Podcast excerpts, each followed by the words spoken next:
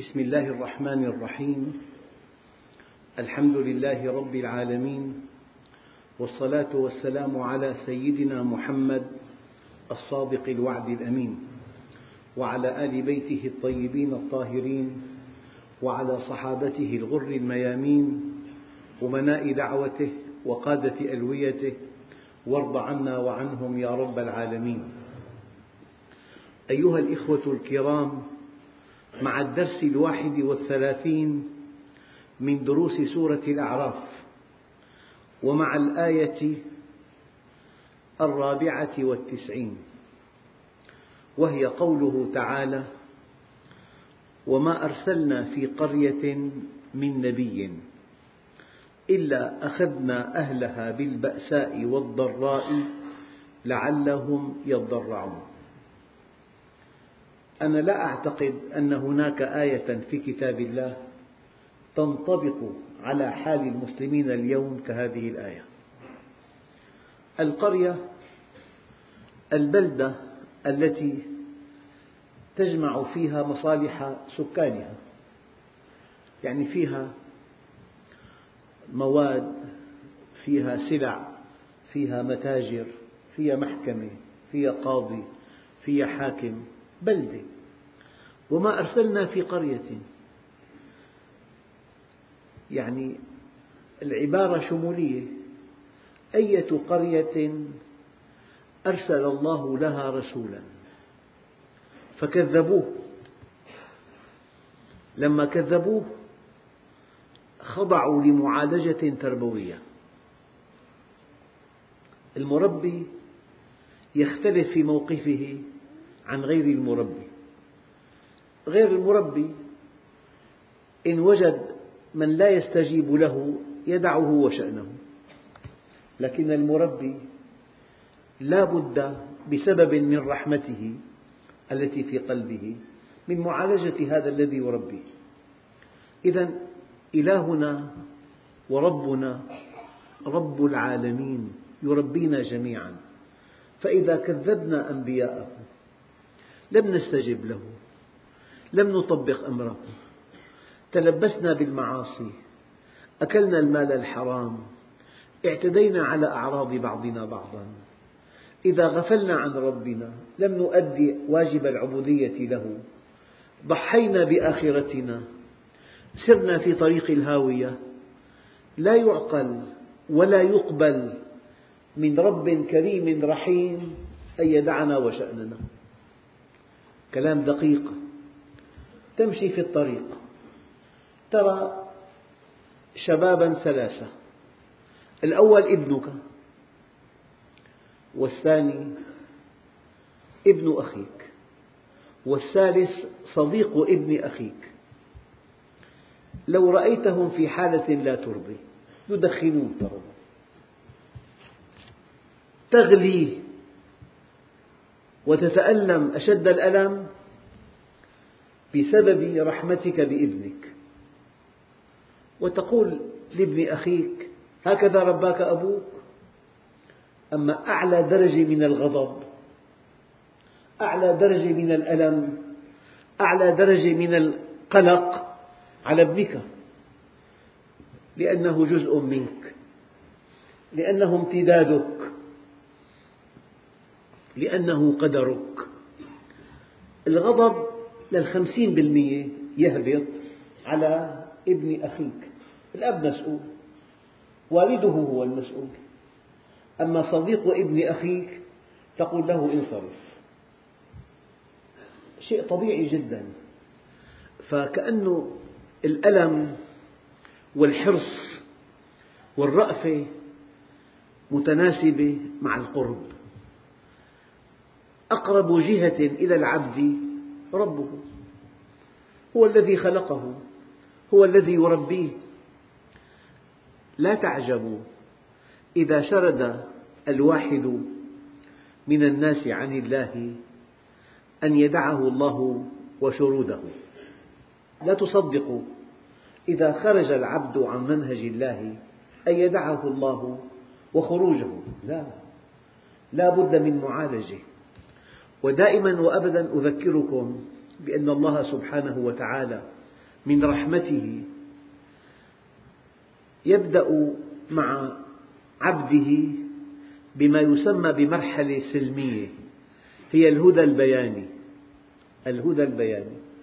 بسمعك خطبة بسمعك درس تقرأ كتاب تسمع ندوة تسمع محاضرة توضح هذه المحاضرة سر وجودك وغاية وجودك فأنت إن استجبت هذا أسلم طريق أكمل طريق أريح طريق. يا أيها الذين آمنوا استجيبوا لله وللرسول إذا دعاكم لما يحييكم. يعني أرقى علاقة مع الله أنه إذا دعاك إليه تستجيب له ببساطة. القرآن واضح كالشمس. خلقك الله ليسعدك في الدنيا والآخرة. خلقك لجنة عرضها السماوات والأرض. قال لك افعل ولا تفعل. أي أمر إلهي؟ علاقته بنتائجه علاقة علمية. أي علاقة سبب بنتيجة. أنت حينما تؤمن أن الأشياء التي حرمها الله عليك ما حرمها عليك تضييقا عليك ولا حدا لحريتك ولكنها ضمان لسلامتك. تماما كما لو رأيت لوحة كتب عليها حقل ألغام ممنوع التجاوز. أنت لا تحقد على واضع هذه اللوحة أبدا بالعكس يمتلئ قلبك امتنانا منه لأنه حرص على سلامتك فنبهك. في اللحظة التي تعتقد أن المحرمات وأن الأشياء التي نهى الله عنها لم ينه عنها تقييدا لحريتك ولا لجعل حياتك متعبة أبدا ولكنه نهاك عنها ضمانا لسلامتك. هذا هو الفقه. أن ترى هذه الأوامر لصالحك. ومن يطع الله ورسوله فقد فاز فوزا عظيما. فمن زحزح عن النار وأدخل الجنة فقد فاز. وما الحياة الدنيا إلا متاع الغرور. إخوتنا الكرام الإنسان بفطرته يحب أن يكون فائزا. بفطرته. الفوز كل الفوز. النجاح كل النجاح. التفوق كل التفوق. الفلاح كل الفلاح. العقل كل العقل. الذكاء كل الذكاء. في طاعة الله. لا تحب أحدا أحب نفسك. إنك مجبول على حب وجودك وعلى حب سلامة وجودك وعلى حب كمال وجودك وعلى حب استمرار وجودك. سلامة وجودك في طاعة الله وكمال وجودك في طاعة الله واستمرار وجودك في جنة عرضها السماوات والأرض إلى أبد الآبدين في طاعة الله.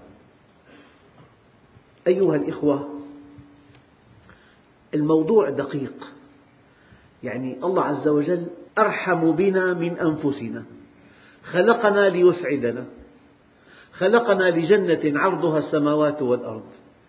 فإذا لم نستجب لم ننصع له لم نخضع لم نفكر لم ننضبط لم نلتزم أيقبل من رب رحيم أن يدع هذا العبد وشأنه؟ يعني أضرب لكم مثل بس أرجو أن يكون واضحا. لو أنه ابن بالصف الخامس قال لأبيه مرة واحدة لا أحب الدراسة. قال له دعها هيك دعها. فثاني يوم ما في مدرسة ما في دوام. ما في استيقاظ باكرا ما في وظائف ما في أستاذ ما في ضرب إذا ما كتب الوظيفة. نام للظهر. شو الحياة؟ شيء مريحة جدا. خرج من البيت. عاشر رفقاء السوء تصور أنه في سعادة كبيرة جدا. لا في أعباء ولا في مسؤوليات ولا في عقاب ولا في محاسبة ولا في وظائف ولا في استيقاظ باكر. لما كبر لا في وظيفة ولا في تجارة ولا في طب ولا في هندسة ولا في زوجة ولا في بيت. إنسان شارد صائع. حقد على أبيه. فجاءه وقال له يا أبت يوم سألتك لا أحب الدراسة لم لم تضربني ضربا مبرحا؟ لما سمحت لي أن أدع الدراسة؟ ولولا أن تصيبهم مصيبة بما قدمت أيديهم لقالوا يوم القيامة. ربنا لولا أرسلت إلينا رسولا فنتبع آياتك ونكون من الموقنين. دققوا في كلمة لولا أرسلت إلينا رسولا. سمى الله المصيبة التي ساقها لعباده التائهين سماها رسول من الله رسالة عملية في اللحظة التي تفهم بها أن المصائب رسائل من الله. رسائل تجمع مالا حراما. هذا المال يدمر. تدمير المال رسالة من الله. أن يا عبدي توب. لقد أخطأت. إن فرعون وهامان وجنودهما كانوا خاطئين. أحببت امرأة لشكلها ولجمالها ولم تعبأ بدينها الرقيق. فأذاقك الله بهذا الزواج ألوان الشقاء.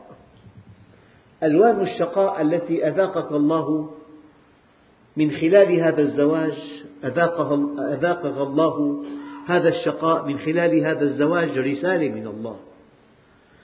في اللحظة التي تفهم أن معاملة الله لك رسائل رسائل عندئذ أنت فقيه. إذا لا تنتظر من الرحيم أنك إذا سرت في طريق الهاوية أن يدعك وشأنك. قال فإن كذبوك فقل ربكم ذو رحمة واسعة فإن كذبوك فقل ربكم ذو رحمة واسعة. ماذا تقتضي رحمته الواسعة؟ فقل ربكم ذو رحمة واسعة ولا يرد بأسه عن القوم المجرمين. يعني تقتضي رحمته الواسعة ألا يرد بأسه عن القوم المجرمين. الذين مشوا في طريق الهلاك. فأنت حينما تفقه حقيقة كمال الله عز وجل تشعر أن الله حينما يضيق على الإنسان من أجل أن يرده إليه. وسبحان الله الله ثبت ملايين ملايين ملايين ملايين ملايين القوانين. كله ثابت. دورة الأفلاك خصائص المواد قوانين الفيزياء الكيمياء قوانين الفلك الحركة لكنه حرك الرزق والصحة. هما بيد الله. في أمراض ما لها حل حتى الآن.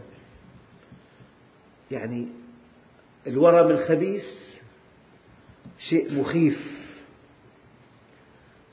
فشل كلوي شيء مخيف. تشمع كبد خسرة بالدماغ. في أمراض وبيلة. فالله سبحانه وتعالى إن رأى عباده شردوا عنه وساروا في طريق الشهوة بل ساروا في طريق الهاوية بل ساروا في طريق ينتهي بهم إلى النار. أيعقل ويقبل من رب العزة من الرحمن الرحيم أن يدعنا وشأننا؟ أبدا. هذه الآية. وما أرسلنا في قرية من نبي أرسلنا نبيا إلى قرية فكذبته. لم تستجب له لم تعبأ برسالته إلا أخذنا أهلها بالبأساء والضراء. البأساء بيقول لك خمسة عشر ألف بيت بلاستيكي أتلف بالصقيع الماضي. حقول كان من الممكن أن تنتج ست ملايين طن قمح. ما في ولا حبة. تستلف يعني إلا أخذنا أهلها بالبأساء. نقص في المواد. زلزال بركان. طبعا الزلزال له تفسير علمي. اضطراب في القشرة الأرضية. بس من هو مسبب الأسباب؟ رب العالمين. الجفاف. سنوات عجاف. النبات يموت الحيوان يموت الإنسان يهاجر. وما أرسلنا في قرية من نبي إلا أخذنا أهلها بالبأساء والضراء. الضراء الأمراض. الضراء مصيبة تصيب الإنسان ذاته. أيام في بتر عضو. أيام في فقد بصر أيام في قطع رجل أحيانا أيام في شلل هي الضراء البأساء جفاف. قل هو القادر على أن يبعث عليكم عذابا من فوقكم. هي الصواعق والآن والصواريخ. الصواعق والصواريخ. أو من تحت أرجلكم.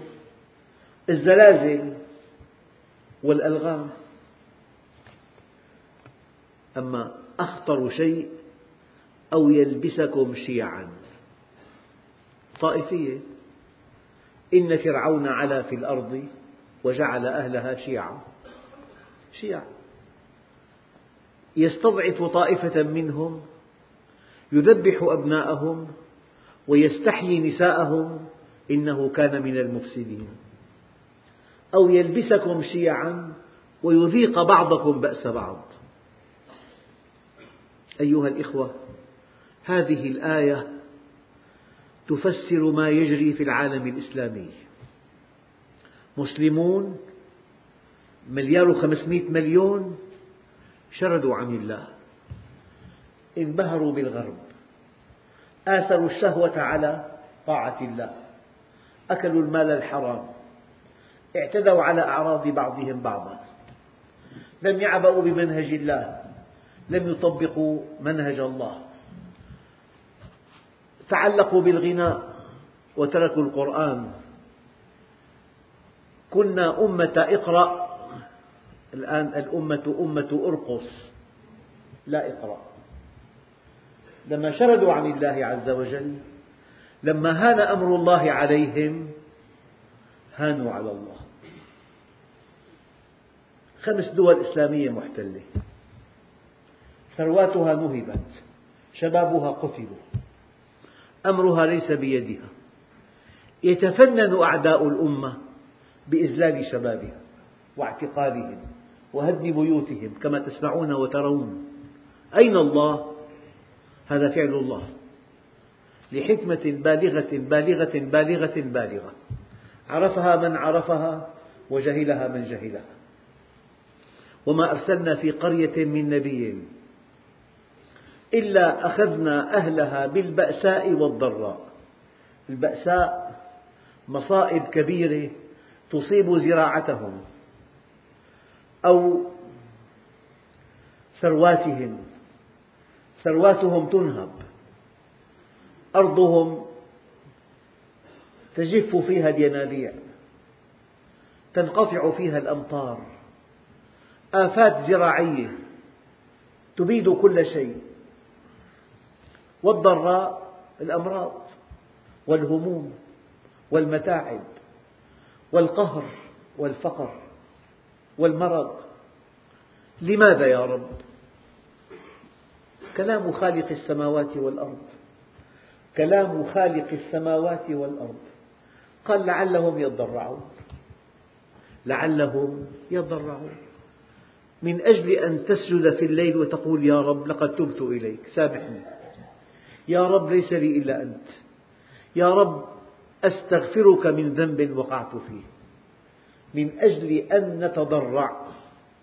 وصدقوا أيها الإخوة والله الذي لا إله إلا هو. لو تضرعنا إلى الله كما ينبغي لأزيحت عنا كل المصائب. لماذا؟ لأن الله عز وجل يقول ما يفعل الله بعذابكم إن شكرتم وآمنتم ما يفعل الله بعذابكم إن شكرتم وآمنتم وكان الله شاكرا عليما يعني ببساطة طفل الأول في صفه مهذب أخلاقه عالية نظيف أنيق مهما كان الأب سيئا أيعقل أن يضربه؟ لم تضربني يا أبي؟ ماذا فعلت حتى تضربني؟ أب لا يفعلها؟ دقق. ما يفعل الله بعذابكم؟ إن شكرتم وآمنتم وكان الله شاكرا عليما. أيها الإخوة آية دقيقة جدا. وما أرسلنا في قرية من نبي. هذه الدعوة البيانية. نبي كريم معه معجزة. قال لك أنا رسول رب العالمين. هذا تكليفك هذا منهجك افعل ولا تفعل هذا حرام هذا حلال. إن استجبت شيء رائع. أنت وقفت أرقى موقف. استجبت لدعوة الله البيانية. دعوة بيانية. يعني أحيانا يقول لك الطبيب معك التهاب معدة حاد هذا المرض قد ينقلب إلى قرحة خطيرة. والقرحة قد تنتهي بثقب المعدة وعندئذ تحتاج إلى عملية جراحية كبيرة. لكن ممكن أن تشفى شفاء تاما عن طريق حمية صارمة فأنت إنسان مثقف وعاقل فأقنعك الطبيب بحمية صارمة. طبقت الحمية الصارمة شفيت معدته. الطبيب تكلم كلام فقط. أنت استجبت له. أما إن لم تستجب له لا بد من عمل جراحي. لا بد من عمل جراحي. يقول لك أنت السبب أنا عرضت عليك الحمية الصارمة رفضت. ادفع الثمن. لا بد من عمل عمل جراحي. الآن المرحلة الثالثة. الثانية التأديب التربوي. التأديب التربوي. التأديب التربوي أكمل موقف فيه التوبة إلى الله. أخواننا الكرام الآيات دقيقة جدا ونحن في أشد الحاجة إلى فهمها فهما صحيحا لأن الحل في هذه الآيات. وما أرسلنا في قرية من نبي طبعا في معنى ضمني لم يستجيبوا لم يتوبوا لم يقبلوا رفضوا. وما أرسلنا في قرية من نبي إلا أخذنا أهلها بالبأساء والضراء. إرسال النبي دعوة بيانية. لكن البأساء والضراء تأديب تربوي. الدعوة البيانية أكمل موقف فيها الاستجابة. يا أيها الذين آمنوا استجيبوا لله وللرسول إذا دعاكم لما يحييكم. أما التأديب التربوي أكمل موقف فيه التوبة. إلا أخذنا أهلها بالبأساء بأموال بحقول بزراعة بمصانع بعدوان باجتياح بأخذ أموال نقلت مليارات ممليرة من الشرق إلى الغرب. في العشرين سنة الماضية نقلت مليارات مئات ألوف المليارات نقلت. إلا أخذنا آلها بالبأساء. والضراء أمراض. إيدز لماذا؟ لعلهم يضرعون إذا تضرعوا واصطلحوا مع الله وتابوا أزيحت عنهم هذه المصائب. يعني أمة دققوا. انحرفت. فقيض الله لها عدوا قويا. يتفنن في قهرها. في حالة واحدة إذا عادت إلى الله واستقامت على أمره أزاح الله عنها هذا الكابوس. وما أرسلنا في قرية من نبي إلا أخذنا أهلها بالبأساء والضراء لعلهم يضرعون. ظهر الفساد في البر والبحر بما كسبت أيدي الناس. دققوا. ليذيقهم بعض الذي عملوا لعلهم يرجعون. ولنذيقنهم من العذاب الأدنى دون العذاب الأكبر لعلهم يرجعون. في المرحلة الثانية في التأديب التربوي لم تكن هناك توبة. ما في توبة.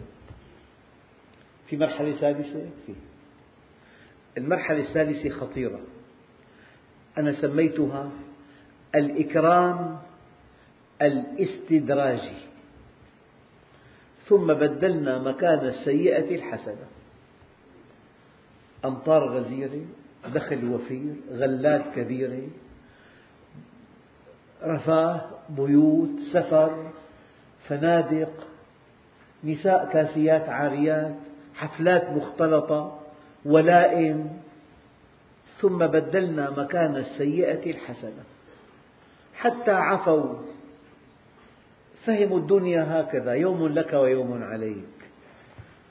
فهموا الدنيا أنها للقوي للذكي لمن يملك المال. الجنة في الدنيا للأقوياء لأصحاب الأموال. أنت قوي إذا أنت على حق. الحق للقوة. قال ثم بدلنا مكان السيئة الحسنة. حتى عفوا. وقالوا قد مس آباءنا الضراء والسراء. هذه طبيعة الحياة. أيام إنسان يرفض أن يكون التأديب الإلهي تأديبا إلهيا يراه حظا سيئا. يقول لك قلب لي الدهر ظهر المجن. القدر سخر مني. كلام ما له معنى. قد مس آباءنا الضراء والسراء. هي المرحلة الثالثة الإكرام الاستدراجي. الإكرام الاستدراجي أكمل موقف فيه الشكر لله عز وجل.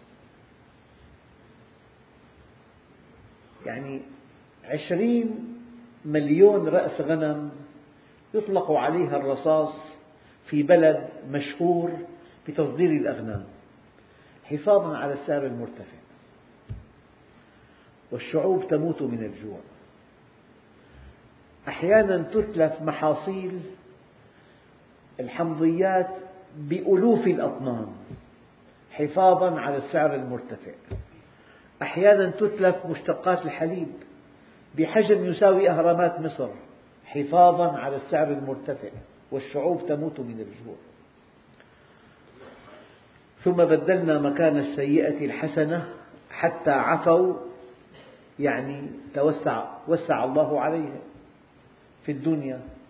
هذا اسمه استدراج أخطر شيء الاستدراج إذا رأيت الله يتابع نعمه عليك وأنت تعصيه فاحذره في مطب كبير أمامك. إذا رأيت الله يتابع نعمه عليك وأنت تعصيه فاحذره. ثم بدلنا مكان السيئة الحسنة حتى عفوا وقالوا قد مس آباءنا الضراء والسراء. هذا شيء طبيعة الحياة هكذا. الأيام يرفض الإنسان البعيد عن الله أن يعد المصيبة من الله تأديبا له. هذا حظي. هكذا الدنيا. حينما ترفض ما جاء به القرآن أولما أصابتكم مصيبة قد أصبتم مثليها قلتم أن هذا؟ الله قال قل هو من عند أنفسكم. وما أصابكم من مصيبة فبما كسبت أيديكم ويعفو عن كثير. قد مس آباءنا الضراء والسراء فأخذناهم بغتة فجأة تلاقي لك أعاصير سببت خسائر 30 مليار دولار. حرائق غابات. جفاف أحرق الأخضر واليابس. فأخذناهم بغتة وهم لا يشعرون. بالمرحلة الثالثة كان من الممكن أن يشكروا ربهم على هذه النعم. لا جحدوا بها. وكفروها. إنما أوتيته على علم عندي. لا يعزو الفضل إلى الله أبدا. يعزو الفضل إلى نفسه. فأخذناهم بغتة وهم لا يشعرون. أيها الإخوة ثم يقول الله عز وجل ولو أن أهل القرى آمنوا واتقوا. طبعا قبل أن أتابع هناك آية متعلقة بهذا الموضوع. هنا الآية ثم بدلنا مكان السيئة الحسنة حتى عفوا وقالوا قد مس آباءنا الضراء والسراء فأخذناهم بغتة وهم لا يشعرون. في آية أخرى فلما نسوا ما ذكروا به فتحنا عليهم أبواب كل شيء حتى إذا فرحوا بما أوتوا أخذناهم بغتة. الآن ولو أن أهل القرى آمنوا واتقوا. آمنوا واتقوا. ما قال آمنوا؟ نحن الآن والحمد لله مؤمنون. لكن بعضنا لا يتقي الله عز وجل. آمنوا واتقوا. ولو أن أهل القرى آمنوا واتقوا لفتحنا عليهم بركات من السماء والأرض. ولكن كذبوا فأخذناهم بما كانوا يكسبون. هل من آية أوضح من هذه الآية؟ آمن واتقي. هل تصدقون؟ أن حل مشكلات العالم الإسلامي بكلمتين في آية. وإن تصبروا وتتقوا لا يضركم كيدهم شيئا. ومكروا مكرهم وعند الله مكرهم وإن كان مكرهم لتزول منه الجبال. فلا تحسبن الله مخلف وعده رسله إن الله عزيز ذو انتقام. ومكروا مكرهم وعند الله مكرهم وإن كان مكرهم لتزول منه الجبال وإن تصبروا وتتقوا لا يضركم كيدهم شيئا. انتهى كل شيء. ولو أن أهل القرى آمنوا واتقوا لفتحنا عليهم بركات من السماء والأرض. سؤال إذا شرد الناس عن الله وأنت واحد. طيب ما علاقتك بهذا الموضوع؟ اسمع هذا الجواب. عظمة هذا الدين أنه للمجموع لكن لو أن الفرد وحده طبقه لقطف ثماره في معاملة خاصة. دققوا في كلامي. الناس شردوا عن الله لم يستجيبوا له. لا تنظروا إلى هذا الجمع الغفير. رواد مساجد في الشام مجتمعين يوم الجمعة في كل مساجدها يوم الجمعة. لا يزيدون عن خمسمائة ألف إنسان. سكان دمشق خمسمائة خمسة ونصف مليون. العشر. يعني المجموع في شرود عن الله عز وجل. لو أنه الناس شردوا لم يستجيبوا. غارقون في شهواتهم في كسب الأموال الحرام في الاعتداء على الأعراض في الانغماس في المتع الرخيصة إيه؟ وأنت واحد واحد لو طبقت منهج الله لك من الله معاملة خاصة طمنك أيها الشاب في فساد عام صح بس الله عز وجل لا يأخذ واحدا بواحد ولا تزر وازرة وزر أخرى. أنت ماشي مستقيم لك حفظ من الله لك مستقبل مريح لك زوجة تسعدك إن شاء الله لك بيت يؤويك لك دخل يكفيك لك سمعة طيبة. إن الذين قالوا ربنا الله ثم استقاموا تتنزل عليهم الملائكة. ألا تخافوا ولا تحزنوا وأبشروا بالجنة التي كنتم توعدون. نحن أولياؤكم في الحياة الدنيا وفي الآخرة. ولكم فيها ما تشتهي أنفسكم ولكم فيها ما تدعون. نزلا من غفور رحيم. لك معاملة خاصة. وهل نجازي إلا الكفور؟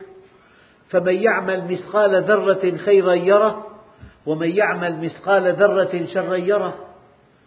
أعرابي قال للنبي الكريم يا رسول الله عظني ولا تطل تلا عليه هذه الآية قال كفيت. تكفيك هذه الآية. فمن يعمل مثقال ذرة خيرا يره ومن يعمل مثقال ذرة شرا يره. ولو أن أهل القرى آمنوا واتقوا لفتحنا عليهم بركات من السماء والأرض. أنا أخاطب الشباب. أنا أعلم علم اليقين. كل شاب منكم بحاجة ماسة إلى عمل. وإلى بيت وإلى زوجة أليس كذلك؟ كل شاب منكم بحاجة إلى عمل يدر عليه مبلغا يغطي حاجاته. وإلى بيت يسكنه وإلى زوجة يسعد بها. الحل دقق أقسم لكم بالله العظيم زوال الكون أهون على الله من ألا تحقق هذه الآية. ومن يتق الله يجعل له مخرجا. إله أنا أعتمد على كلام الإله. كلام الإله هو أكبر ضمان لكم. أفمن كان مؤمنا كمن كان فاسقا؟ لا يستوون. دققوا. أم حسب الذين اجترحوا السيئات؟ أن نجعلهم كالذين آمنوا وعملوا الصالحات. هذا ظنك بالله عز وجل. شاب مؤمن مستقيم عفيف يغض بصره يضبط لسانه يخدم الناس دخل حلال يؤدي صلواته الكاملة. هذا يعامل كما يعامل واحد فاسق. هكذا ظنك بالله عز وجل. أفمن كان مؤمنا كمن كان فاسقا لا يستوون. أفنجعل المسلمين كالمجرمين؟ ما لكم كيف تحكمون؟ أفمن وعدناه وعدا حسنا فهو لاقيه. كمن متعناه متاع الحياة الدنيا. أما الآية الدقيقة جدا. أم حسب الذين اجترحوا السيئات؟ أن نجعلهم كالذين آمنوا وعملوا الصالحات. سواء محياهم دعك من الآخرة. الآخرة حق. في الدنيا. وأنت في الدنيا. شاب مؤمن له زوجة صالحة إن شاء الله. له دخل يغطي حاجاته. له بيت يؤويه. له سمعة طيبة. يسعده الله عز وجل. هي الآية شعار كل شاب. أم حسب الذين اجترحوا السيئات أن نجعلهم كالذين آمنوا وعملوا الصالحات سواء محياهم ومماتهم ساء ما يحكمون. تفاءلوا. والله مع الإيمان بالله ما في ألم ولا في هم ولا في حزن والله ولا في قلق ولا في يأس ولا في إحباط. الإحباط الذي يعم المسلمين من ضعف إيمانهم. الله موجود. وما سلمك إلى أحد. كيف يقول لك أعبدني؟ وأمرنا بيد آخر. مستحيل. إليه يرجع الأمر كله. فاعبده. أنا متحرق على شاب مؤمن بالله. علاقته مع الله طيبة. يتقي الله. يضبط جوارحه. يضبط يده. يضبط حركته. يضبط دخله. يسعى لمرضاة الله. له جامع يؤويه. له مرجع ديني يستشيره. يحب أن يخدم أمته. هذا الشاب. والله زوال الكون. أهون على الله. من أن لا يرى نتيجة عمله. توفيق في الدنيا. وما توفيقي إلا بالله. هي آية وحيدة بالقرآن. لا ينجح شيء في الأرض إلا بتوفيق الله. أبدا. ولو أن أهل القرى آمنوا واتقوا لفتحنا عليهم بركات من السماء والأرض. يعني كما قدمت قبل قليل ولو أن شابا واحدا آمن واتقى. مو أهل القرى لا لا. ولو أن شابا واحدا آمن واتقى. لفتح الله عليه خير الدنيا والآخرة. لأنه لا إله إلا الله. لا رافعة ولا خافضة ولا معزة ولا مذلة ولا معطية ولا مانعة إلا الله. ولو أن أهل القرى آمنوا واتقوا لفتحنا عليهم بركات من السماء والأرض. ولكن كذبوا فأخذناهم بما كانوا يكسبون. سألوا مرة تيمور لنك من أنت؟